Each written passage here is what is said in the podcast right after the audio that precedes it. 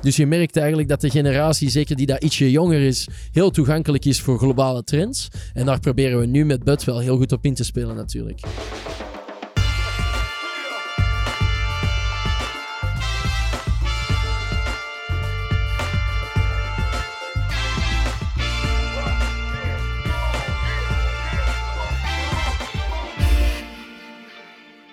Goedemorgen, goedemiddag of goede avond wanneer u dit ook luistert. En welkom bij de Brief, de podcast over content, marketing en, jawel, media. Vandaag is het 25 september, een woensdagavond. Beetje gekke dag, maar aan mijn linkerhand toch een vertrouwd gezicht en een warm stemgeluid.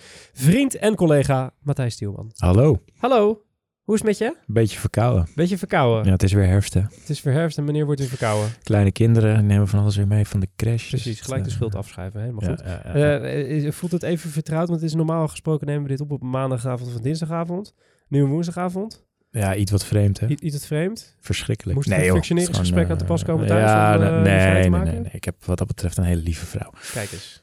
Kan, die kan in de zak steken. Zeker. Eh, is er eh, mooie content gezien door uw ogen of oren eh, gehoord? ja, was een mooi moment deze week. Daar heb jij ook al van genoten. Ik weet waar je tegen gaat. Professor Scott Galloway is terug op Hij is weer YouTube. terug, hè? Ja, Ja. The Big Dog. Nee, ehm, ja, Scott Galloway, professor aan NYU, marketing professor. ook op- oprichter van L2, ooit eh, marktonderzoeksbureau. Verkocht aan Gartner vorig jaar. Toen heeft hij nog een tijdje filmpjes gemaakt na die overname op YouTube. Dat deed hij al best wel lang, heel tof, op een hele fijne, simpele manier. Maar na de verkoop, eh, na een paar maanden, had hij denk ik zijn, eh, zijn earn-out gedaan en eh, was die verdwenen. Maar hij heeft nu weer een nieuw eigen kanaal opgericht met precies dezelfde formule eigenlijk. Gewoon hele leuke filmpjes waarin de wereld van marketing, mergers en acquisitions en allerlei andere economische zaken op zijn typerende, grove, maar zeer duidelijke manier wordt uitgelegd. Eh dat kanaal heet Section 4. En ik heb het vermoeden dat daar eh, nog wel wat meer uit gaat rollen uit de koker van, eh, van onze profe- professor. aan, aan content. Ehm, ja, super vet. Oud, Vet. oud vertrouwd, maar nieuw. Precies. Wat, is er een van de video's... Ik heb het allemaal gezitten kijken. Ik vond het ook weer helemaal fantastisch. Wa- Was er een van de video's die je, die je nu ineens omhoog... Nou ja, kijk, hij gaat nu natuurlijk super lekker, omdat hij min of meer degene is die ervoor gezorgd heeft dat de hele IPO van WeWork niet doorgaat. Eh, Hij voorspelde het in ieder geval wel. Precies. En eh, ja, rightfully zo, als je, het, als je de films bekijkt. Dus die, dat, die hele serie is super tof. Ehm, over eh, of Spotify ooit naast de grote vier, eh, Apple, Amazon, Google en Facebook gaat komen als bedrijf. Die is, eh, die is het aanraden waard. En eh, of Microsoft eh, geleerd heeft van hun, eh, hun Internet Explorer monopolie en nu Slack op een slimmere manier kapot gaat maken. Juist. Vet. Ja. Scott Galloway. Check it out. Zijn kanaal, naam? Ja, Section 4 op YouTube. Kom je er vanzelf. Vet, zetten we in de show notes. Eh, tegenover ons zit, zoals iedere aflevering, de gast. Eh, die beliep zo'n acht jaar geleden een brouwerij in, in Dommelen. En daar startte hij bij eh, ene bierbrouwer, AB InBev heet hij, kent u. eh, als Assistant Process Engineer Packaging. En die klom via eh, functies in Nederland, België, Hongarije en Groot-Brittannië. Uiteindelijk oprichting een bureaustoel terug in Nederland. Daar zit hij nu en daar is hij verantwoordelijk voor heel de Nederlandse markt. We hebben het over Country Manager Nederland van AB InBev, Nick Bartolomeusen. Nick, Goedenavond. had ik alles? Ja, je hebt alles. Was compleet? Fijn. Ja, absoluut. Hoe is het, eh, hoe is het hier? Ja, heel goed. Ik ben Ja? heel blij hier te zijn vandaag. Ja, je, hebt- je hebt een, eh, een Nederlandse eh, rondtripje, Bredaatje, Amsterdampje en dan weer terug naar Antwerpen vandaag waar je woont? Of is het? Nee, ik, ik blijf hier vanavond in Amsterdam. We hebben hier een BudX-event. Dus eh, nee, ik blijf er vanavond gezellig in Amsterdam om een biertje te drinken. Tof. Dus je, je start hier en dan, dan ga je door. Is het de eerste keer dat je te gast bent in de podcast? Ja, dat wel. Ben je een, ben je een, een, een luisteraar? Ja, toch wel een luisteraar. Niet elke dag, maar ik vind er, ja, je leert heel veel van podcasts. Dus eh, ik luister verschillende onderwerpen. Oké. Heb je een, een tip die je nu eh, te binnen schiet waarvan je denkt, daar moeten mensen naar luisteren? Goh, ik vond de suggestie die ik net kreeg betreffende WeWork wel een hele interessante. Ik heb toevallig net de podcast beluisterd eh, een aantal maanden geleden van ja, WeWork en hoe dat ze opgestart zijn. Best wel een interessante ook. Ik kan niet meteen herinneren van, van wie dat die was. Maar ehm, ja, ik vond het wel een leuk om een keer de opstart van WeWork te horen en de, de gedachten eraan, erachter. Ja, dat is volgens mij How I Built This. Dat verhaal over dat Ja. ze zelf de Ja, elektriciteit eh, deden aanleggen in die gebouwen. Dat is hem. Dat is een fantastische aflevering inderdaad. Nou goed, eh, Nick, we gaan straks eh, verder met je praten eh, in het interview. Maar zoals u van ons gewend bent, gaan we eerst even naar het nieuws. Terug in de studio en zoals u van ons gewend bent bespreken we drie nieuwsitems die de media en eh, marketingwereld in zijn of haar ban hebben gehouden. Het eerste nieuwsitem van deze aflevering gaat over een filmpje. Het filmpje is gemaakt door Sandy Hook Promise. Dat is een organisatie namens, uh, die namens nabestaanden van de slachtoffers op, van de schietpartij uh, op uh, Sandy Hook, dat is een Amerikaanse school. die schietpartij die vond in 2012 plaats. En, en nabestaanden van die, van die slachtoffers, die hebben een organisatie opgericht die met voorlichting helpt bij de detectie en preventie van schietpartijen op scholen, wat natuurlijk in Amerika een enorm probleem is. Um, en die maakten een, maken met regelmaat best wel opzienbarende filmpjes om die kwestie onder de aandacht te brengen. deze spot Um, uh, die begint ook waarschijnlijk als de promotie van een aantal uh, back-to-school artikelen, zoals rugzakken en dergelijke. Uh, maar dat loopt ongeveer zo af. This year, my mom got me the perfect bag for back to school. These colorful binders help me stay organized. These headphones are just what I need for studying. These new sneakers are just what I need for the new year. This jacket is a real must-have. My parents got me the skateboard I wanted. It's pretty cool. Daar wow, komt kom wel binnen. Ja, hè? Ja, ja dat is echt... Uh... These colored pencils too. These new socks, they can be a real lifesaver. Ja, langzaam zien we dus dat de artikelen die waarschijnlijk worden aangeboden door een, um, door iemand die die artikelen uh, verkoopt van een merk, uh, eigenlijk bedoeld zijn om, de, om die schoolshooter te ontlopen. Uh, die sokken die worden gebruikt om wonden te verbinden, skateboard om een, om een raam in te slaan en uit te ontsnappen. het is natuurlijk ontzettend triest dat zo'n spotje gemaakt wordt, maar het zit wel verdomd goed in elkaar, Matthijs. Ja, je bent er stil van als je het ziet, maar... Komt wel ehm, binnen, Ja, we hebben hem natuurlijk een aantal keer gekeken en het, het, het ook productietechnisch is het super slim gedaan. Als je hem als je de, de eerste keer gezien hebt, ben je helemaal blown away. Als je de tweede keer kijkt, zie je dat eigenlijk vanaf het eerste shot je al signalen krijgt dat er iets misgaat. Um, en dat wordt heel mooi opgebouwd. En uh, ja, een uh, verschrikkelijk uh, onderwerp, maar een, ja, voor het onderwerp zeer passend en, en mooi geproduceerde spot. Ja. ja, het is inderdaad hoe ze subtiel in iedere scène hebben verweven hoe die jongen of wie dan ook die school binnenwandelt en uh, en zijn gang gaat, dat, is, um, dat is heel heftig. Ja. ja. Uh, Spot heeft overigens, om dit iets wat deprimerende nieuwsitem af te sluiten, heel erg veel PR gehaald. Het was echt overal en nergens, overal en nergens te zien. Dus laten we hopen dat het iets kan bijdragen aan het wegpoetsen van dit voor ons Nederlanders bizarre probleem. Goed, het tweede nieuwsitem van deze aflevering draait om Snapchat. Ja, Zeker. Vertel. Uh, ja, groot nieuws. Nee, uh, Snapchat heeft, uh, het, is, het is in die zin een klein dingetje. Je mag nu in plaats van eh, advertenties die 10 seconden duren op Snap, hebben ze de lengte van de advertenties verlengd naar 3 minuten. Um, nou, dan denk je van, nou, lekker boeien. Maar uh, ja, dat is best wel een dingetje. Dat geeft dus wel aan dat er vanuit de markt ook vraag is naar, naar ads die zo lang duren. Uh, je kunt ze ook nog steeds skippen.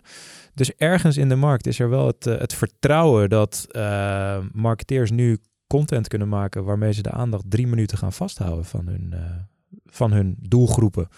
Dus uh, ik denk dat het voor content een heel mooi, uh, mooi statement is. Als we nu commercials gaan krijgen van drie minuten, die dus ook het waard zijn om drie minuten naar te kijken, dan uh, mooie ja. dingen gaan we dan zien.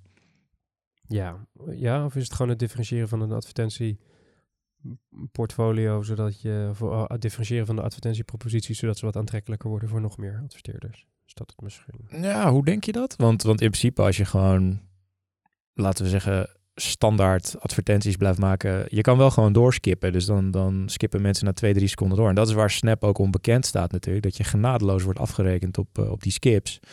Um, ja, dus als er merken zijn die de aandacht drie minuten weten vasthouden, dan... Uh, ja, lijkt me dat wel een dingetje. Oké. Hoe gaat het met Snapchat qua, qua centen? Heb je daar... Uh... Ja, ze hebben toevallig net hun, uh, hun cijfers voor het tweede kwartaal bekendgemaakt. Dus ze hebben 48% uh, meer omzet gedraaid uit advertenties dan, dan het voorgaande jaar. 388 miljoen dollar, om precies te zijn. Um, dus dat gaat best lekker. Ze hebben 203 miljoen users nu in totaal. En zo'n 13 miljoen nieuwe users toegevoegd in het tweede kwartaal. Okay. Klinkt allemaal super vet. Ik ben ook nog even gaan kijken naar uh, hoe het met uh, die, uh, die andere reus gaat inmiddels. TikTok. Volgens mij gaan we daar best wel vaak aan voorbij hier in, in Nederland. Die doen het iets beter. Namelijk in het eerste kwartaal hebben zij 188 miljoen nieuwe gebruikers toegevoegd. Versus 13 miljoen van Snap dus. Ja, Dus dat is iets meer. Iets wat. Ja, ja. Ja, en eh, TikTok zit op dit moment ehm, op 663 miljoen eh, totale gebruikers. Dus die zitten eigenlijk alleen nog maar achter Facebook, Instagram en WhatsApp qua eh, gebruikersbase. Ehm, dus dat zijn wel super indrukwekkende dingen voor deze Chinese reus. Ja. Het betekent een beetje dat... Ja, ik denk dus dat Snapchat zit een beetje in een squeeze tussen Instagram en dat TikTok, hè? Ja. En ze kunnen niet omhoog, want Instagram is te ver, denk ik. En te machtig en te groot. En iedere keer als Snapchat wat nieuws bedenkt, dan kopiëren ze dat. Ja. En aan de onderkant worden ze weggeduwd eh, door TikTok. Ja, zeker. Dat is een interessante. Dat is eigenlijk volgens mij in de, in, in de opkomst van al die social media netwerken de eerste keer dat zoiets gebeurt. Dat een, de, de jongste van de hele club niet de stap kan maken naar boven. Dus dat dat Facebook-conglomeraat, om het zo maar te zeggen, gewoon te solide staat om Ja. weg te duwen. Ja, het is dus het protectionisme van Facebook is natuurlijk gewoon eh, uniform. Ja. En, eh, het is eh, de strategie van Zuckerberg van ik, ze wilden hun bedrijf niet aan me verkopen, dus maak Dus ik ze you. kapot. Ja. En ze houden het nog best lang vol voor mijn gevoel. Want volgens mij waren alle voorspellingen best wel negatief over dat het heel snel afgelopen zou zijn. Zeker na die beursgang ook en zo. Maar ja, they're, they're still going strong. En eh, ja, nu moeten ze denk ik meer gaan kijken naar TikTok, die eh, met hele rassenschreden dichterbij komt. Die groei van TikTok zit overigens voornamelijk in Azië. ja. Die gaan onwijs hard op de Indiase markt. Ehm, En weet je iets over de procentuele groei van Snap? Is Nee. die aan het afvlakken of is die, weet je niet? Nee. Oké, dat zou natuurlijk ook wel interessant kunnen zijn. Ik bedoel, 13 miljoen nieuwe subs op 203 miljoen. Dat zijn volgens mij niet echt de cijfers die je wil overleggen op als, als snel willend, groeiend social media netwerk. nee, maar in die zin is Snap natuurlijk ook al wel redelijk volwassen, zeg maar. Ja, en Eh, hangt er misschien een beetje tegen zijn eh, max aan. Dat Ja. zou kunnen. Dat zou kunnen. Hey, en, en Nick, wat, eh, heb jij een, een take op, op Snapchat? J- jullie doen er denk ik niet zo heel erg veel mee, hè? Nee, eigenlijk niet. Ehm, ik ben zelf wel een tijdje lang eh, bijna passieve gebruiker geweest. Eerder om te ontdekken wat de app is. Ehm, over het algemeen zien we wel dat het toch een iets jongere doelgroep is. Dus ehm, past niet zo heel goed bij ons, omdat we een alcoholbedrijf zijn natuurlijk. Ehm, maar ik vind natuurlijk een hele mooie applicatie. En ja, ik denk net zoals dat jullie net vermelden, dat het heel moeilijk is voor technologiebedrijven om met nieuwe dingen te komen. Omdat je natuurlijk heel makkelijk kopieerbaar bent. En dat doet, eh, dat doet Instagram heel goed deze dagen. Ja, ja het is, het is een, een hele bijzondere, een bijzondere squeeze waar ze in zitten. Ze moeten bijna wel stukje hardware, dan misschien dat die bril hebben ze toch wel weer een nieuwe, tweede, nieuwe versie van gemaakt, las ik. Misschien dat dat een beetje de way out is. Ja, ze riepen toch heel erg dat ze een, een fotografiebedrijf... Camera company. Camera company. Ja, dat zijn ze, ja. Ja. Wat ze trouwens heel goed doen is, ehm, ze hebben QR-codes dat je kan inscannen. Ja. En daardoor kan je natuurlijk wel meer verrassen dan een aantal andere apps. Dus eh, dat gebruiken we soms nog wel, doordat consumenten bijvoorbeeld een QR-code op een blikje inscannen. En dan kan je wel ge- dingen weggeven of bepaalde informatie unlocken, Ja. dat je toch via applicaties zoals bijvoorbeeld Instagram minder snel kan doen. Ja, dat kietelt dan toch de nieuwsgierigheid net even wat meer dan een random verwijzing. Ja. Daar kan ik me iets bij voorstellen. Zeker bij die doelgroep natuurlijk. We zullen het gaan zien of we allemaal aan de TikTok gaan. Heb je, heb je TikTok, Matthijs? Ik ben 37, Mark. Ik snap dat allemaal niet meer. Je bent toch een beetje eh, onderdompel in je vak, man. nee, ik ben er nog niet aan toegekomen. Oké. nou. Ook Ja. omdat het voortvloeit uit, uit Musical.ly, waar je moest playbacken en zo. En daar ben ik... eh, Ik zie jou prima iets van Queen of van... ik eh, Killer George Michael doe ik. ik, echt, ik, ik ja. daag je uit. Ja. Nou, als we ooit een live versie gaan doen, dan is dat het optreden, dames en heren. Dan weet u dat alvast. Goed, laatste nieuwsitem van deze aflevering draait om Volkswagen. Want waarom? Wat heeft Volkswagen gedaan? Die hebben een heel nieuw gezicht. Nieuw logootje, nieuwe merkidentiteit. Gelanceerd in, eh, in Frankfurt tegelijkertijd met de, moet ik het goed zeggen, ID301. Dat is eh, eh, hun, eh, een van hun nieuwe elektrische eh autootjes. Jurgen, Jurgen Stakman, moet ik zeggen, Volkswagen Sales and Marketing Board Member. die zei de nieuwe brand design marks the start of a new era voor Volkswagen. Het ziet er heel kleurrijk en hip en modern uit. Het sluit ook helemaal aan op die nieuwe elektrische ID-serie.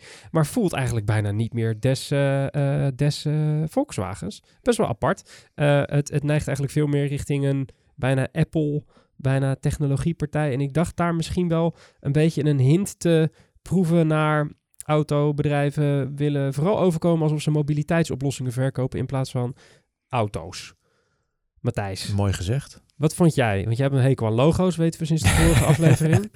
Eh, wat, hoe moet ik deze rebranding zien? Ehm, nou ja, kijk, het, het- laten we vooropstellen, het ziet er mooi uit. En ehm, Volkswagen omarmt de elektrische toekomst eh, natuurlijk volledig. En, en dat het merk daarbij op de schop gaat, is een prachtig moment. Alleen denk ik dat deze hele rebranding eh, in, in zeer, hoe zeg je dat, in, in een versnelling terecht is gekomen. Door het hele dieselschandaal. Dus dat ze nu ook volle bak inzetten. Alleen nog maar communiceren over, die, die, over de elektrische auto's, die ID-serie. Die overigens echt wel de moeite waard is. Ehm, maar dat, dat dat toch wel een, een zeer grote onderliggende eh, factor is geweest. Ja, dus je denkt dat het een manier is om te zeggen, vergeet dat dieselschanaal. Ja, dat, daar, dat, dat weegt echt wel mee in deze keuzes. Denk je dat de consument dat nog... Ja. Ja, in, wordt best wel in overweging neemt bij de aankoop van een auto? Ik weet het niet. Ik, ja, kijk, tuurlijk, kijk, Volkswagen, het- ze hebben ook een beetje het duffe imago van, eh, het is gewoon heel goed, maar het is niet heel sexy. Dus, ehm, en eerlijk, dit nieuwe, dit nieuwe identiteitje is wel sexy. Ja, ja, Het is echt goed gedaan. voor mensen die van identiteitjes houden. Nick, heb je het gezien? Ja, ik denk, ik denk trouwens ook dat het voor hen wel nodig was om met iets nieuws te komen. Zeker na het dieselschandaal dat ze hebben gehad. Al is het maar om over andere dingen te kunnen spreken dan wat zij in het verleden hebben moeten doen. Ik denk ook dat een aantal bedrijven in de auto-industrie op dit moment eh, ja, toch een, eh, een knuppel in het hoenderhok gooien. Hè. Tesla heeft toch een heel andere missie en staat toch voor een heel andere visie dan bijvoorbeeld op dit moment Volkswagen. Dus ik denk wel dat ze met iets komen dat ehm, ja, geloofwaardig is. Dat is nog een beetje een vraagteken, maar dat het zeker vernieuwend is. En dat ze nu met hun acties gaan moeten bewijzen of dat ze dit ook echt menen of niet. Ja. Ik denk wel dat het knappe is wat ze doen, is dat ze, ze, ze linken het natuurlijk heel duidelijk naar het uitbrengen van die nieuwe serie aan auto's. Ja. Dus ze hebben al heel veel bewijsvoering voor, het is niet zomaar een nieuwe slogan of een nieuw logootje. Het is gewoon meteen, kijk, het staat op de auto's, auto's zien er anders uit, eh, worden aangedreven door wat anders dan wat jullie van ons gewend zijn. Ik vond het erg mooi. Nou, het is ook heel mooi en, begrijp me niet verkeerd. Ik denk dat dit ook een hele belangrijke stap is in de auto-industrie. Namelijk gewoon een, een van de grote jongens die eigenlijk als eerste zegt van wij omarmen elektrisch volledig. Alle dieseltjes en benzineautootjes, die, die maken we nog wel, maar daar praten we niet meer over. Dit is de toekomst, dit is waar we voor gaan. En ehm, dat is alleen maar toe te juichen. Ja. ja, en het is gewoon tof om te zien hoe, hoe anders zo'n bedrijf, eh, wat een andere uitstraling het heeft. Je zag, oh, je zag ook UI in telefoontjes voorbij komen in de presentatie van die nieuwe merktaal. Om aan te geven hoe belangrijk technologie wel niet is bij het uitrollen van die merkidentiteit. Ehm, en dat zegt dus helemaal niet meer, we maken auto's met onze handen in een fabriek. En onze handen worden vies en we hebben banden. En eh kijken ons eens ontzettend ambachtelijk auto's in elkaar schroeven. Maar het zegt eigenlijk gewoon meer, we bedenken hele vette innovatieve shit. Eh, Ja. En dat resulteert in deze auto's, maar zou ook in zoveel meer kunnen resulteren. Althans, dat haalde ik er een beetje uit. Ehm, Maar het logo lijkt nog steeds op het hele oude logo. eh, ja, maar dat is dan weer retro, dus dat is dan weer ja, mooi. precies. Geleend van vroeger. En eh, wat ook een mooie plus is om deze af te sluiten, is dat de, de hele, strategische, het hele strategische denken achter het branddesign volledig in-house is ontwikkeld. Dus geen externe agencies, maar design en marketing departments van Volkswagen zelf. Wat vind je van de autootjes? Ik vind de auto's heel erg tof. Het is nog wel een beetje speelgoed allemaal. maar ik vind ze wel heel tof. Maar ik heb 0,0 verstand van auto's, dus dan moet je pin me, er niet op vast. Eh, maar ik vond het tof. Wat vond jij ervan? Ja, ik vind het, het is even wennen.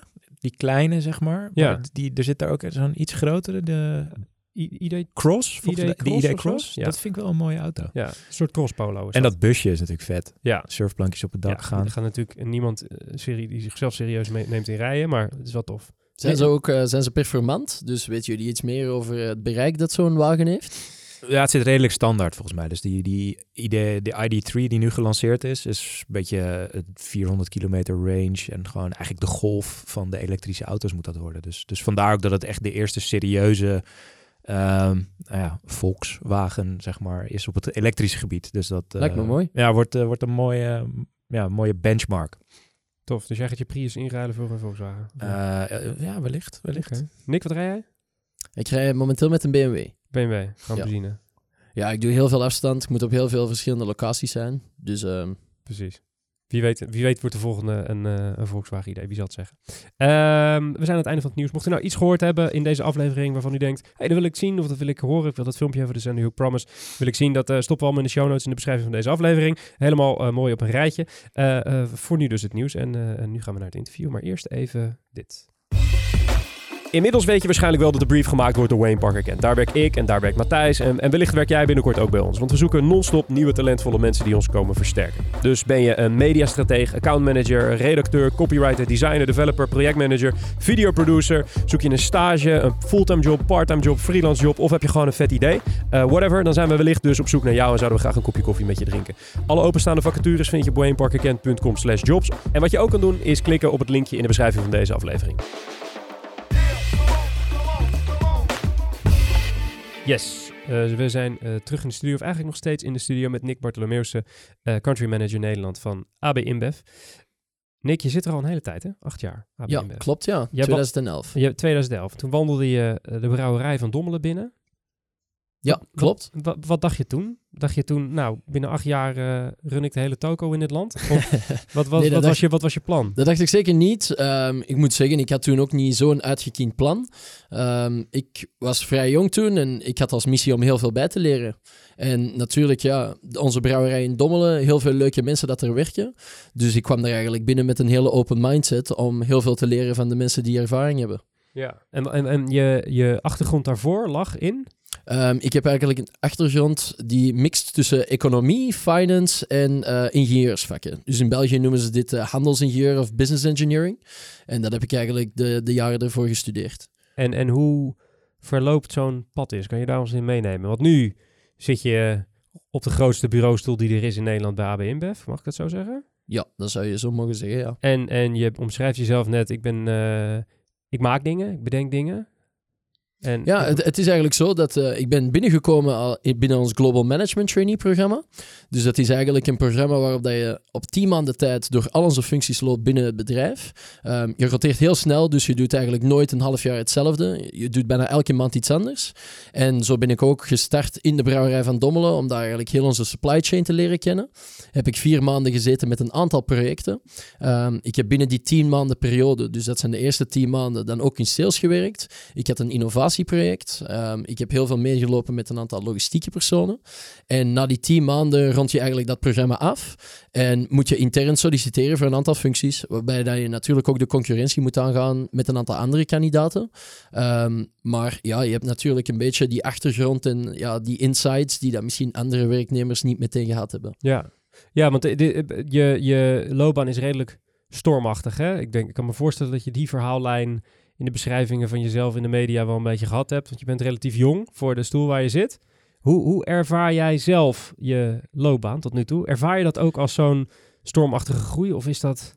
Gewoon, nee, komt eigenlijk eerder. Het, het voelt meer als geleidelijk aan. Hoewel natuurlijk, als je terugkijkt, uh, ja, is het allemaal wel vrij snel verlopen. Misschien ook ietsje sneller dan ik zelf had verwacht.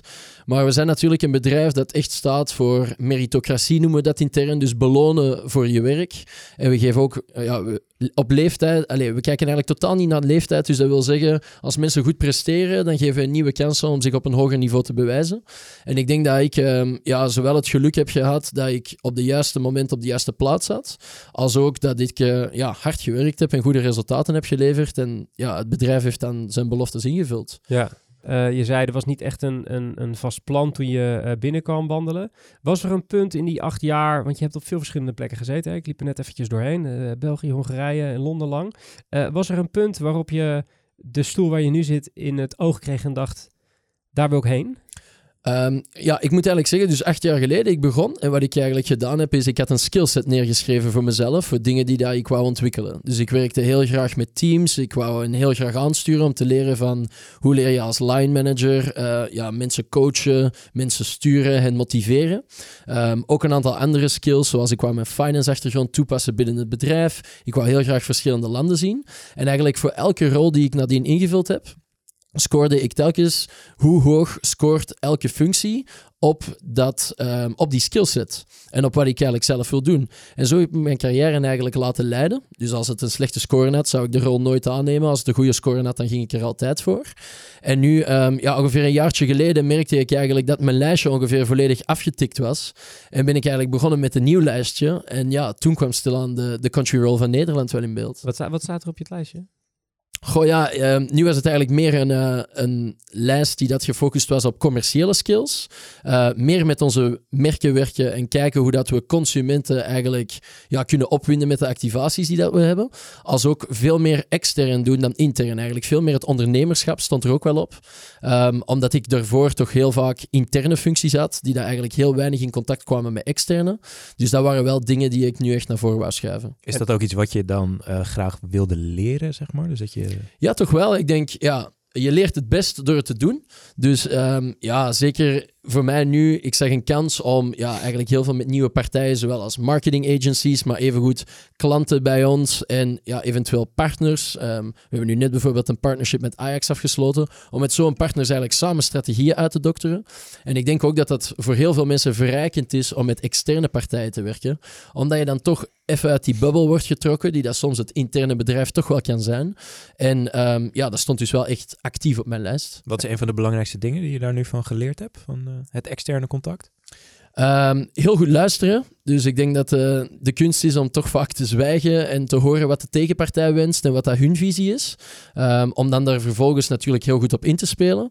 En het tweede dat ik zou zeggen is, uh, neem in het begin goed je tijd om alle functies goed te leren kennen en te beseffen wat ze doen. Want ik heb natuurlijk een vrij brede scope op dit moment. Ik moet zeggen dat ik bijna bijvoorbeeld geen marketingkennis had. En daar heb ik toch wel mijn tijd genomen om te ontdekken van, ja, hoe werkt die wereld? En heb je e-, een van die dingen op dat... Het klinkt alsof je redelijk planmatig, misschien niet je volledige carrière hebt gepland, maar wel elke keer heel goed na hebt gedacht welke functie nou wat van je lijstje aftikte. Wat van, die, van dat lijstje, om eventjes in jouw woorden te blijven, was het lastigste voor je op de, op de weg richting de plek waar je nu zit? Dus wat vond je het moeilijkst om te leren? Ja, er zijn wel een aantal dingen die altijd lastig blijven. Hè. Dus uh, ja, ik vind bijvoorbeeld negatieve feedback geven aan mensen of herstructureringen doen is best wel moeilijk. Je leert er heel veel van natuurlijk, want het zijn situaties waarin je zelf ook niet altijd comfortabel bent.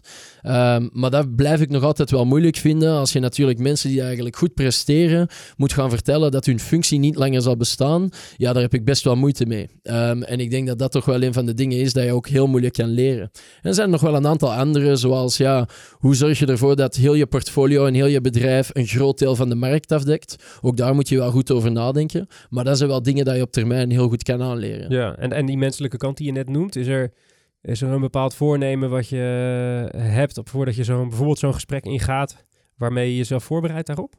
Ja, we zorgen eigenlijk intern. We hebben daar een hele goede, goede cyclus voor. Dus wat we eigenlijk altijd wel doen is, we zijn een bedrijf dat natuurlijk heel goed mensen beloont die dat goed presteren. Dus over het algemeen, als we bijvoorbeeld herstructureren, zorgen we er ook wel voor dat er een B-optie weggelegd wordt voor die mensen om hen door te schuiven. Als dat niet kan, ja, dan proberen we hen zo goed mogelijk te begeleiden naar die uitgang. Um, en ik denk wel dat we een heel goed bedrijf, goed bedrijf zijn met dat goede referenties kan geven, om ervoor te zorgen dat die mensen dan toch een hele goede toekomst hebben. Ja, ja en het lijkt mij af en toe een beetje vreemd dan om dan terug te kijken op die acht jaar en kan denken, zo, dat, dat is vlot gegaan. Dat plan je, zoals je net zelf al zegt, niet allemaal zelf. Zijn er nu achteraf bepaalde keuzes die je hebt gemaakt, bepaalde dingen die je hebt gedaan, waarvan je dacht, oeh, als ik dat nou niet had gedaan, dan dat was eigenlijk een essentieel moment in mijn loopbaan bij, eh, bij AB InBev. Ja, best wel. En meestal heeft dat eigenlijk te maken met um, de mensen met wie ik samenwerkte. Uiteindelijk een bedrijf bestaat gewoon puur uit de mensen die dat bij het bedrijf werken. De mensen zijn het bedrijf. En ik denk daar dat ik uh, hele goede keuzes heb gemaakt in het verleden door wie ik omringd was. Zowel de line managers die ik ervoor had gehad.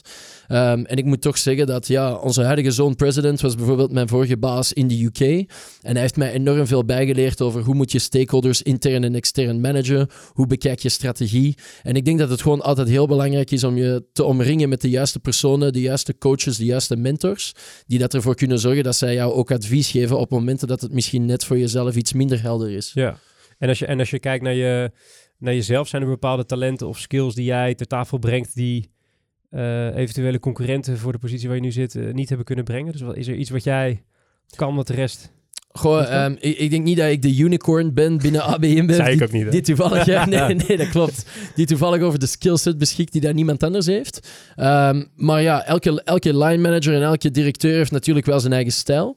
Um, en ik denk wat ik probeer te doen is heel informeel te blijven met iedereen. Ik denk dat dat bijna alle onderwerpen op alle lagen van ons bedrijf heel bespreekbaar maakt. En dat we daardoor wel heel veel waarde krijgen van het teamwork en de mensen die daar bij ons in het bedrijf werken. En ik denk dat daar ons af en toe wel vooruit kan schuiven versus andere bedrijven. Want dat vertaalt zich natuurlijk zowel intern als extern. En dat wij wel een bedrijf zijn dat heel openstaan, heel informeel is. Eigenlijk voornamelijk mensen waardeert voor wat ze doen. Niet, ehm, ja, we, zijn, we kijken niet naar achtergrond of afkomst of eender wat. Ehm, en ja, ik denk dat ik probeer om heel die diversiteit en inclusiviteit heel goed te omarmen. Waardoor dat net ons bedrijf heel veel nieuwe ideeën kan ontwikkelen. Omdat mensen geen vrees hebben eigenlijk om, uh, om je mening te delen. Ja, dat lijkt me best wel een moeilijk verhaal om uit te dragen. Omdat je, je bedrijf is zo groot dat men als ze niet helemaal bekend zijn met wie er precies bij jullie werken, en je bent, je bent ook super toegankelijk, dat ze misschien het gevoel krijgen, oh, dat is een grote corporate en die zijn gigantisch, doen gigantische dingen. Uh, hoe, hoe draag je dat uit? Ja. Als, als, niet alleen persoonlijk, maar ook als organisatie zijnde? Uh, het is natuurlijk, de organisatie is een grote corporate, maar de waarheid is dat niemand ontmoet echt de corporate. Hè? Je ontmoet altijd een aantal personen van AB InBev. En daar is het natuurlijk heel belangrijk dat je ja, heel informeel, heel toegankelijk, dat je luistert naar elkaar. Um, en dat je eigenlijk de waarde die dat je intern probeert uit te dragen ook meeneemt naar klanten. Dus ik denk niet dat iemand die dat bij ons werkt zich anders gedraagt intern versus extern. We hebben gewoon een cultuur die daar heel informeel is en die nemen wij ook mee naar de klanten toe. Dus uiteindelijk verkopen we bier. Dat is een product van alle mensen. Um, dus wij vinden het ook niet nodig om ons beter te voelen dan iemand anders. Wij proberen gewoon zo'n goed mogelijke ervaringen voor onze consumenten weg te zetten. En, en is dat een cultuur die... Uh, zeg maar, begint dat bij het aannameproces of is het iets wat je binnen je cultuur moet moet, moet stimuleren. Ja, ik denk echt dat dat begint bij ons topmanagement. Um, die dat in, principe als iemand bij ons naar onze CEO wilt gaan, ja, die zit ook gewoon in een open space. Uh, is heel bereikbaar en toegankelijk. Draagt ook gewoon een jeans, net als jij en ik. Um, en ik denk dat het daar allemaal begint. En natuurlijk, ja, in ons recruteringsproces uh, hameren wij heel hard op cultuur. Dus eigenlijk zijn de hoofdzakelijke vragen niet noodzakelijk ah, uh, over welke skills beschik je, wat is de ervaring dat je hebt, of, of hoe oud ben je. Dat maakt eigenlijk allemaal niet uit. We kijken puur naar, we hebben tien culturele principes en we kijken hoe dat mensen aansluiten op die culturele principes. En, wat, en die culturele principes zijn bijvoorbeeld uh, ondernemerschap. En moet ik dan daaraan denken? Goh, ja, wij hebben eigenlijk een cultuur die gebouwd is rond Dream People Culture. Dat zijn de drie grote pilaren. Dus wij houden van mensen die daar groots dromen, zelf kansen willen pakken. Dat hoort allemaal onder die droom. Alles met people hoort erbij van we promoten of we promoveren mensen snel als ze hard werken, maar we belonen hen ook als zij goed werk leveren.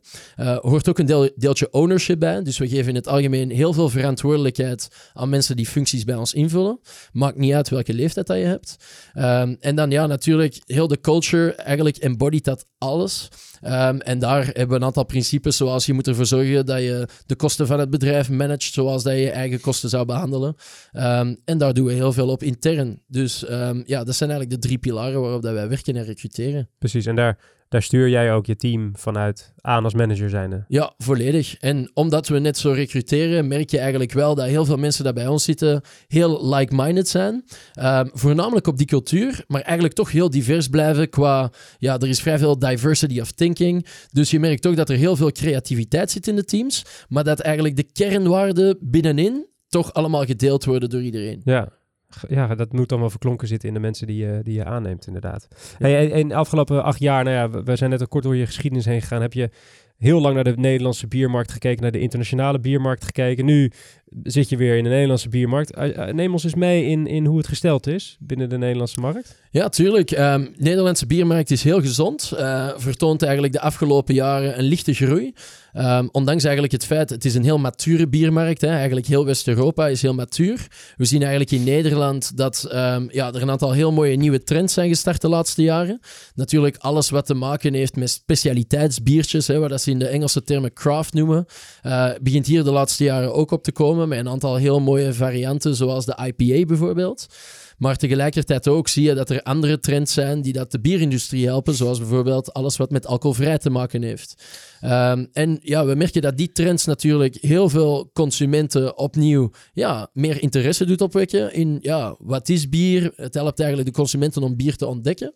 En ik denk dat heel veel brouwers op dit moment in de markt daar heel goed op inspelen. En het 0-0-segment is daar een goed voorbeeld van.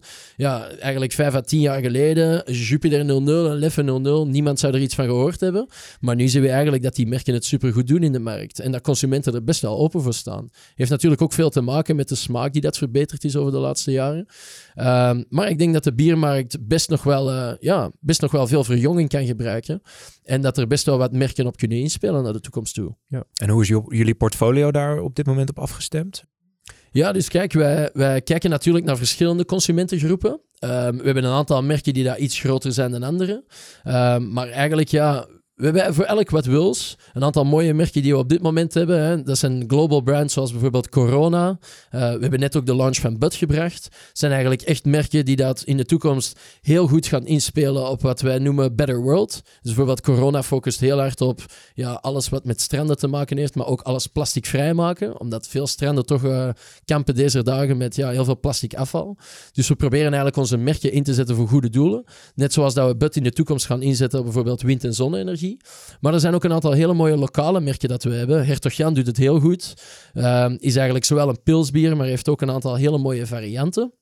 Um, komen eigenlijk allemaal uit Valkenswaard, want ja, daar zit onze brouwerij samen met de brouwerij van Arsen. Dus daar wordt uh, Hertogjan geproduceerd. Maar evengoed zitten we met uh, ja, eigenlijk een mooi merk zoals Dommels, dat dit jaar zijn 275ste verjaardag viert. En zo merk je dus eigenlijk, en dat is natuurlijk het voordeel van een bedrijf als het onze, dat je een aantal hele mooie lokale merken kan combineren met een aantal hele mooie merken die daar eigenlijk eerder uit andere landen komen. Waardoor dat je heel goed verschillende consumentengroepen kan afdekken. En hoe betrokken ben jij bij de individuele merken? Um, ja, ik zou toch wel zeggen heel betrokken. Um, uiteindelijk, een van onze principes is ook consumer comes first. Hè. Dat staat altijd op nummer één.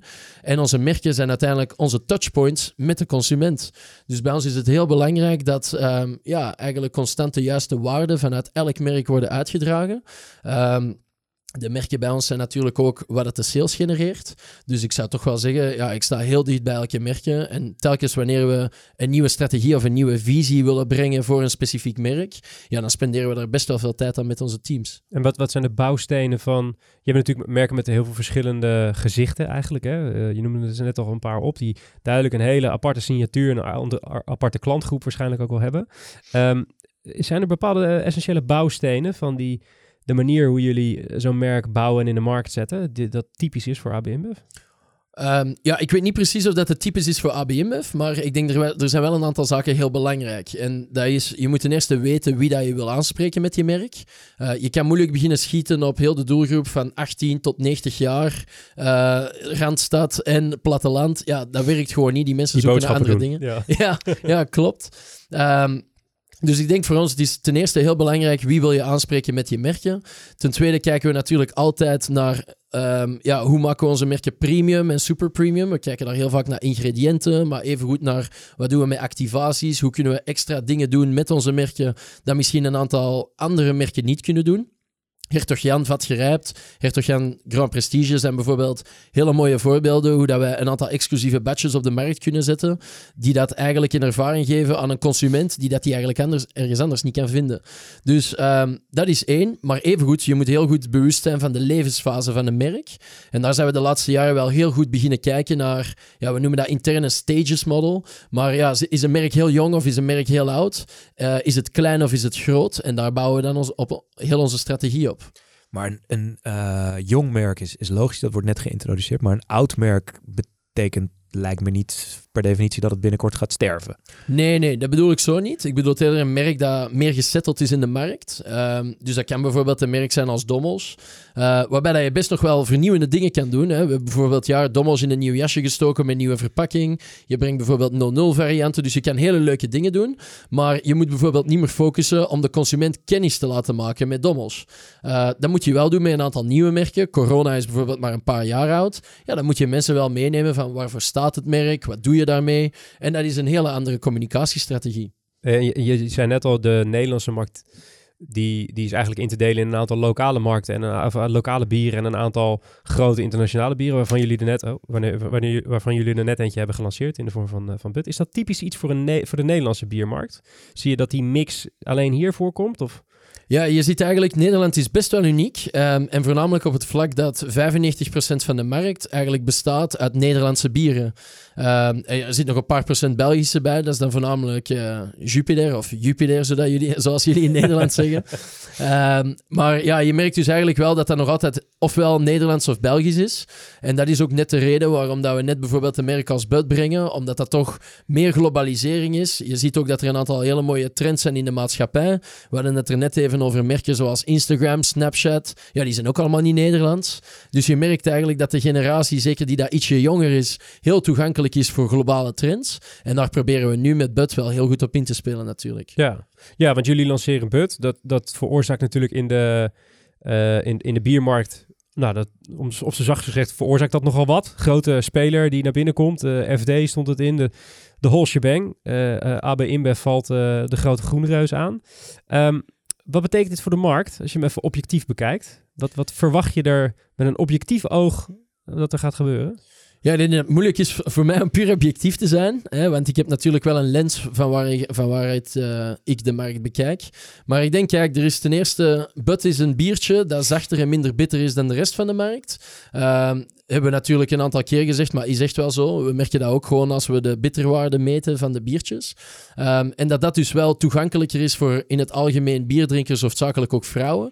En ik denk ook dat Bud, hè, op dit moment focussen we eigenlijk heel veel op urban culture. We willen dingen doen die dat eigenlijk, hè, we doen vanavond een Bud X hier in Amsterdam, focust heel hard op collaboraties met modemerken, fashion labels, ook met artiesten, want we willen eigenlijk echt jonge artiesten een podium geven om zichzelf te kunnen uiten. En ik denk dat dat voor de biermarkt net wel vernieuwend is. Want ik denk dat heel weinig merken dat op dit moment doen. Zijn er markten in, in Europa die heel erg lijken op Nederland waar jullie dit al een keer hebben gedaan? Uh, zijn er wel een aantal. Frankrijk is bijvoorbeeld een markt die uh, best wel qua spelers bijvoorbeeld heel goed op uh, Nederland lijkt. Uh, is iets meer gefocust op speciaal bier. Maar daar hebben we bijvoorbeeld Bud ook gelanceerd in het begin van het jaar. Uh, maar evengoed, eigenlijk elke biermarkt staat wel een beetje op zich. Maar ja, je kijkt natuurlijk altijd naar je portfolio en waar dat de kansen liggen. En voor ons ligt die kans nu op Bud. Dat is trouwens een strategie dat in heel Europa rollen we Bud nu wel uit in alle markten. Omdat we zien dat dat overal wel een gap kan opvullen. En dat consumenten er trouwens ook heel positief op reageren. maar in andere markten staan we ietsje verder. UK bijvoorbeeld heeft Bud al 10% market share. Daar werken we dan veel meer bijvoorbeeld met een Bud Light dat we nu net hebben gebracht. En een Michelob Ultra dat eigenlijk veel meer focust op een andere trend, namelijk minder calorieën, maar ook ietsje minder alcohol. Dus uh, ja, je moet altijd eigenlijk even kijken van wat zijn de trends in de markt en hoe matuur is een bepaalde markt om een bepaald merk te aanvaarden. Hey, en, en heb je wel eens contact met uh, concurrenten die op dezelfde soort bureaustoel zitten als waar jij op zit? Ja, toch wel. Um, we hebben die reageerden ze, hoe reageerden ze toen je ja, ik heb ze nog niet gezien sinds de Bud launch. um, dus, dus kijk, ja, we hebben natuurlijk contact. Er is een soort Nederlandse brouwersgroep waarbij dat we gewoon af en toe een keer samenkomen om een aantal dingen te bespreken. Um, ja, allemaal heel objectief en natuurlijk heel goed gemanaged door een autoriteit. Um, maar kijk, ik denk over het algemeen dat disruption is deel van de, van de maatschappij deze dagen. Gebeurt in alle maatschappijen zo. Um, en ook in alle industrieën. En ik denk over het algemeen dat het heel goed is voor een industrie dat er af en toe spelers komen met nieuwe ideeën die daar iedereen goed wakker en scherp houden.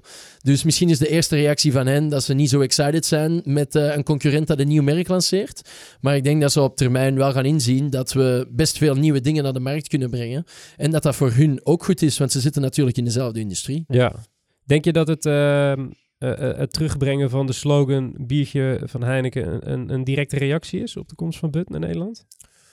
Goh, uh, goeie vraag. Um, ja, ik, ik kan me er niet... Ik, ik, kijk natuurlijk niet mee in de, in de kasten van Heineken, wat zij daar doen. Nee, vanzelf. Um, dus ik weet het ook niet. Maar ja, ik twijfel er ook niet aan dat zij gaan reageren op onze Bud launch. Um, als zij zoiets zouden doen, zou ik er ook wel op reageren. Uh, maar om te zeggen dat het één op één gelinkt is, ja, dat vind ik wel moeilijk. Welke veranderingen in uh, de Nederlandse biermarkt zie je, zie je verder nog aankomen? Ja, goede vraag. Um, ik denk dat dat zowel moet bekeken moet worden op vlak van portfolio als wat wij noemen bijvoorbeeld route to market. Dus hoe breng je biertjes naar consumenten toe? Uh, de speciaal bieren blijven natuurlijk groeien. Dus ik denk dat dat gaat blijven duren naar de toekomst toe. Maar tevens ook als je kijkt naar hoe dat mensen shoppen deze dagen, zie je ook wel dat e-commerce elk jaar meer en meer groeit. Natuurlijk hebben wij daar als eigenlijk biersupplier ook wel een rol in te spelen. Dus ik denk dat je op termijn wel meer en meer gaat zien dat ja, eigenlijk het hele online platform veel veel meer gebruikt gaat worden om merken aan de man te brengen. Um, wij doen dat bijvoorbeeld ook. Hè. We, hebben een, uh, we hebben een website in Nederland, hopt.nl.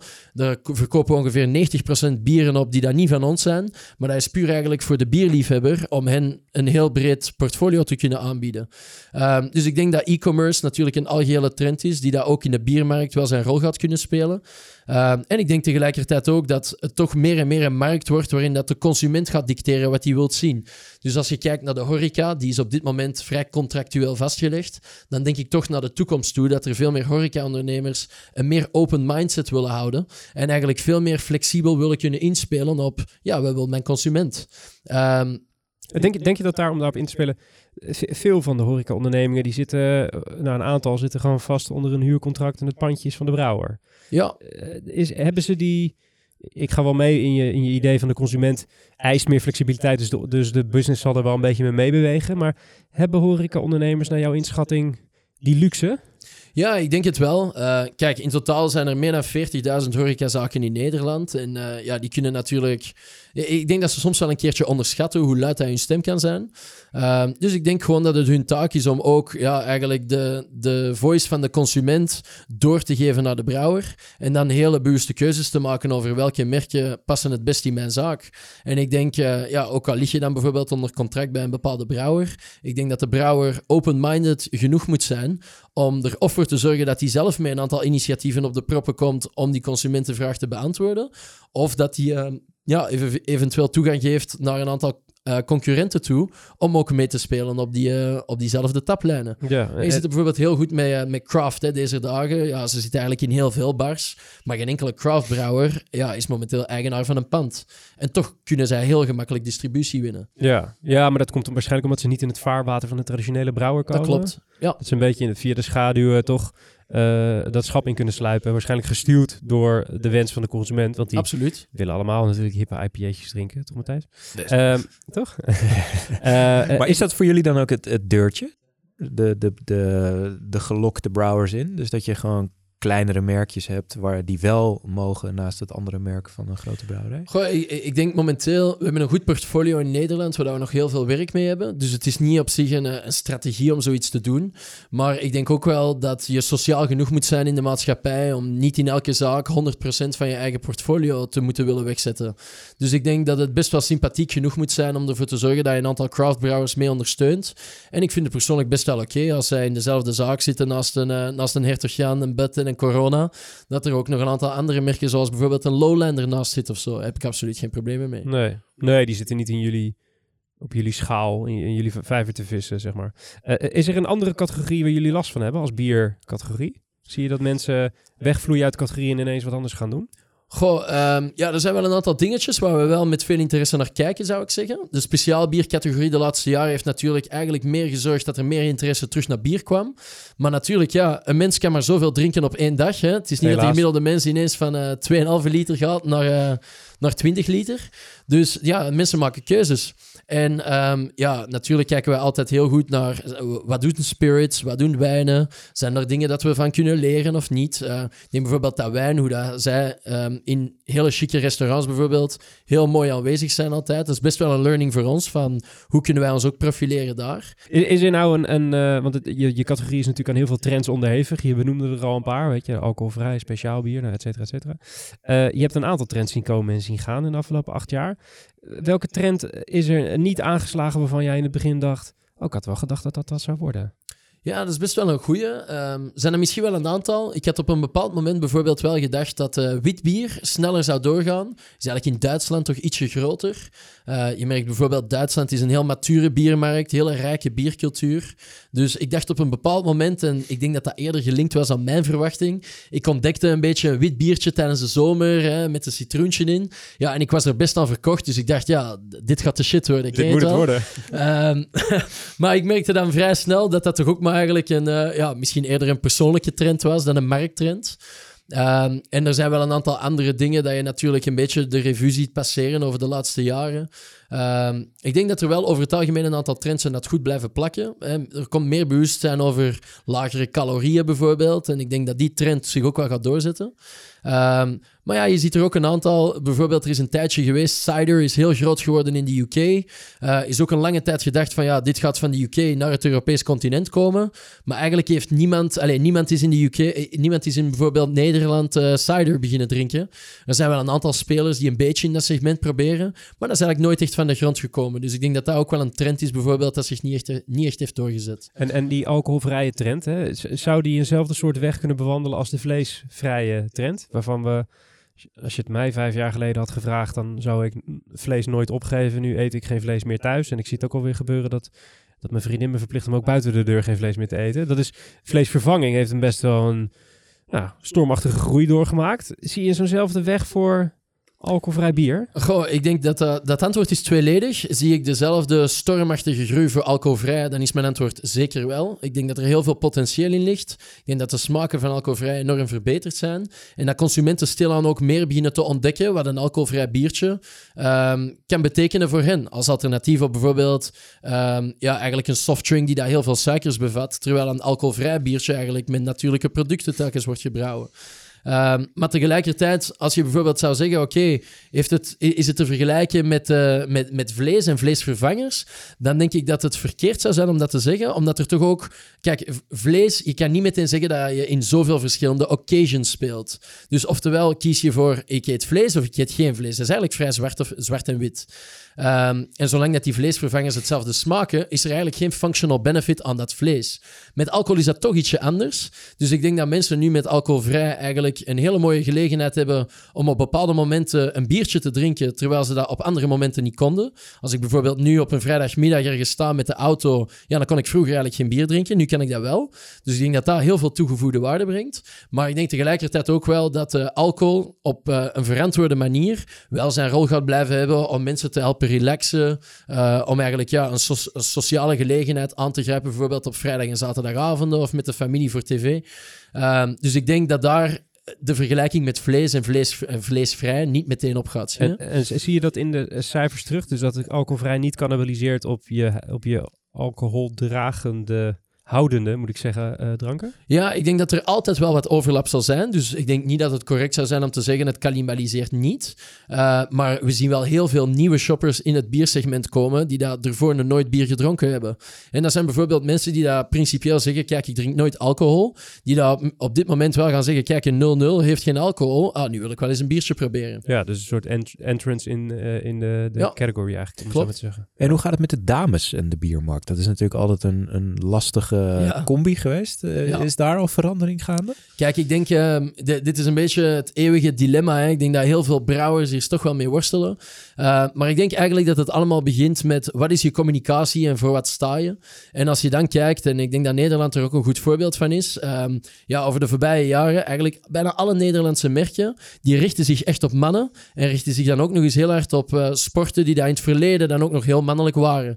Dus ik denk voornamelijk als die merken eigenlijk qua communicatie en qua waardes meer zouden aansluiten bij wat dat vrouwen eigenlijk zoeken, dan denk ik dat het voor vrouwen veel toegankelijker zijn, zou zijn om die bieren te beginnen drinken. Hè. Je ziet merken als Jupiler, maar ook Heineken, Amstel hebben eigenlijk de laatste jaren heel hard gefocust op voetbal en heel hard op die mannelijke drinker. Wij hadden zelf bijvoorbeeld ook een slogan, mannen weten waarom.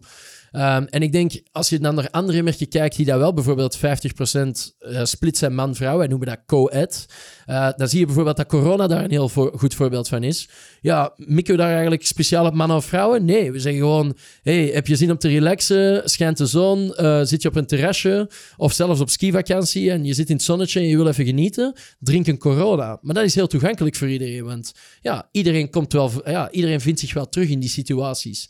En ik denk dat daar voor ons de toekomst wel en dat we dat zowel met Bud, Corona en een aantal andere merken wel heel goed aan het doen zijn. En, en verder de toekomst inkijkend, je, je hint er net al een heel een beetje naar de distributie van je product. Je ziet uh, veel start-ups, uh, commodities als, als scheermesjes en ook lifestyle producten als gaming en media, die bewegen een beetje richting een abonnementsmodel bijvoorbeeld. Zie je dat met bier in de toekomst ook gebeuren? Dus dat uh, mensen zeggen, joh, ja, ik koop toch elke zaterdag een kratje bij de Albert Heijn. En uh, bij de supplier kan ik het gratis krijgen met een AB InBev bierabonnement of weet ik hoe je het noemt. Ja. Is dat een, een optie die het verkennen waard is? Zeker. Kijk, kijk ik denk... Um, Ja, als je het opsplitst in twee segmenten, dan denk ik één, je hebt eigenlijk sowieso al je standaard orders. Hè? Als je op dit moment eh, winkelt op een Jumbo of een Albert Heijn en je hebt daar je favorietenlijst, ja, heel veel mensen zeggen, doe mij maar hetzelfde als vorige week. En dat staat dan eh, zaterdagochtend of maandagochtend, ja, gewoon op je voordeur en eh, je haalt dat naar binnen. Dus ik denk dat daar sowieso al een, een soort van subscription bestaat, hoewel dat veel mensen het niet zo zouden noemen. Het is eigenlijk een favorite shopping list. Maar ja, ik denk dat je, denk dat je meer doelt op specifiek één product, dat je bijvoorbeeld Ja. elke week binnenkrijgt. En ik denk dat daar best wel wat bierliefhebbers op zoek zijn naar hoe krijg ik bijvoorbeeld heel vaak nieuwe biertjes in mijn winkel. Uh, o- of ja, eigenlijk thuis in de koelkast, zonder dat ik daarvoor telkens een sixpack moet kopen om dingen te proberen. En ik denk dat daar net die specialiteitswebsites, zoals hopt.nl, maar evengoed bijvoorbeeld, ja, je hebt een aantal websites in de UK, zoals Beerhawk, die dat, dat heel goed doen. Ehm, en daar kan jij bijvoorbeeld als bierliefhebber bestellen van, hey, breng mij gewoon elke maand eens een variëteit. Ik krijg 12 flesjes aan. Ze zijn allemaal van verschillende brouwers trouwens, dus die, vaak leveren wij ook dingen aan die dat wij zelf nog nooit geproduceerd hebben. Eh, maar dat levert wel die experiences aan. En ik denk dat daar heel veel mee te winnen valt in de toekomst. En dat je daar ook klanten heel mee, ja, je, je houdt hun interesse eigenlijk vast. Ja, en je ziet de massale, massale distributie van je product nog altijd wel via e-tailers of retailers gebeuren, ook in de verre toekomst. Ja, ik denk, ik denk zeker met een aantal merken die dat ja, eigenlijk vrij hard mee zijn ingeburgerd in de gewoonte. Hè? Dus die dat eigenlijk, zeker een pils is eigenlijk toch, ja, mensen zoeken daar vrij vaak naar gekende merken die dat, waarvan ze weten wat ze kunnen verwachten.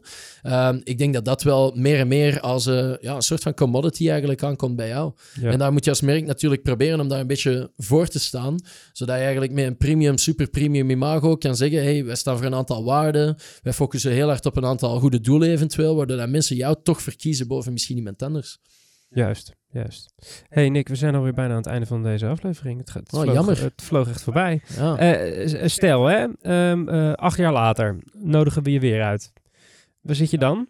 Wat doe je dan? Goh ja, ik denk niet meer in Nederland. Eh, hoewel ik wel denk dat we in Nederland nog grote stappen gaan maken en eh, ja, in de toekomst best nog wel wat groter gaan worden. Ehm, maar eigenlijk, ja, opnieuw om terug te komen op mijn wishlist en eh, mijn, mijn skilllijst, zou ik eens goed moeten nadenken wat dat de toekomst brengt over acht jaar. Maar wat mij altijd interesseert is om de wereld te verkennen, nieuwe culturen te zien, heel veel nieuwe mensen te leren kennen en daarvan heel veel te leren.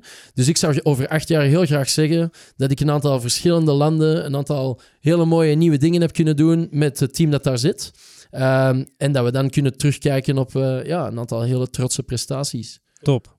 Kom er snel over vertellen over die, eh, over die acht jaar. We hebben een vaste eh, sluitvraag van, onze, van ons interview. Dat is, wat is de beste content die je in de afgelopen tijd hebt gezien? Dat mag van alles zijn. Een televisiecommercial, documentaire, een outdoor uiting. Noem het op. Ja, ik heb, eh, ik heb er toevallig eentje deze ochtend gezien die dat ik heel sterk vond. En, Vertel. Het, eh, ik denk zelfs dat ik die- die een van de sterkere dingen vond van de voorbije jaren. Maar dus, ehm, ja, ik weet niet of dat jullie het gezien hebben, maar McDonald's zet zich best wel in voor een aantal goede doelen. Ehm, hebben zich nu denk ik net ook ingezet voor ja, eigenlijk een doel die dat kankerpreventie eigenlijk ja, moet ondersteunen. En eh, wat ik best mooi vond van eh, Burger King, ze hebben een campagne gedaan. eh, Een hele, hele makkelijke foto. Je ziet eigenlijk twee handen die elkaar vasthouden. En dat is eigenlijk één, ehm, één hand van de, van de clown van McDonald's. En één hand van ja, de King of Burger King. Hè? Dat is ook een persoon met altijd die kroon op. En ehm, zij hebben nu een actie gezegd, waarbij dat zij eigenlijk hun icoon, de Whopper, hè, de Burger King Whopper, een volledige dag niet produceren om eigenlijk het goede doel en de cause van hun concurrent te ondersteunen. Ehm, en dat vond ik echt super mooi. Ik denk dat ehm, ja, dat is echt een heel mooi voorbeeld om te zeggen van kijk, er zijn een aantal dingen. We, hebben, we zijn eigenlijk elke dag concurrenten in de markt. Maar als een bepaalde concurrent iets heel goed doet, moeten we dat ook erkennen. En tegelijkertijd kan je ook niet, eh, ja, je kan ook niet ontkennen dat voor Burger King, het maakt hen, op, hen opeens wel heel sympathiek. Dus ehm, ja, ik vond dat een hele, mooi, een hele mooie zaak waarbij dat eigenlijk in het algemeen het publiek ook wint.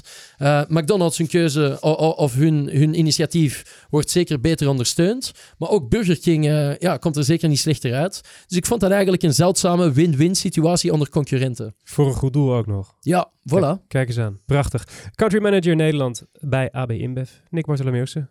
Dankjewel voor je komst. Ja, hartelijk dank. Veel plezier vanavond. Komt goed. Komt goed. Matthijs, ook een feestje vanavond? Ik ga lekker mijn bedje in. Je gaat lekker je bedje Ik in. ga lekker een paar aspirintjes eten en lekker slapen. En lekker snotteren. Helemaal goed. Zien we je over twee weken weer. Helemaal gezond en wel. Zeker. Hartstikke leuk. Mocht u nou iets in deze aflevering gehoord hebben waarvan u denkt, hé, hey, dat wil ik eventjes zien. Eh, de uiting die, eh, eh, die Nick net omschrijft, of eh, de, de filmpjes die we in het begin van dit eh, gesprek hebben beschreven, dat vindt u allemaal in de show notes. Die vindt u in de beschrijving van deze aflevering. Dus klikt u op uw favoriete podcast app en dan ziet u het allemaal. Dan kunt u zich nog abonneren. Dat kan via iedere grote podcast app, Spotify, Deezer, noem het op. We staan erin en zeggen tegen al uw collega's, familieleden en, eh en wildvreemden op straat. En schreeuw het dan een beetje, dat is leuk. Eh, de brief wordt zoals iedere aflevering gemaakt door Wayne Parker Kent, onze mediapartners en Adformatie en BNR Nieuwsradio. Productie wordt gedaan door Björn Zwagerman, die heeft geen microfoon, maar die gaat wel wat zeggen. En de redactie werd gedaan door eh, Hanneke en Mout. Die, hebben, die zijn er niet, dus ik kan helemaal niks, helemaal niks zeggen. Volgende aflevering is over twee weken. Te gast dan Mart Vonk, Head, of Brand and Growth Marketing bij Van der Bron. Mijn naam is Mark Schoones, bedankt voor het luisteren en tot de volgende keer.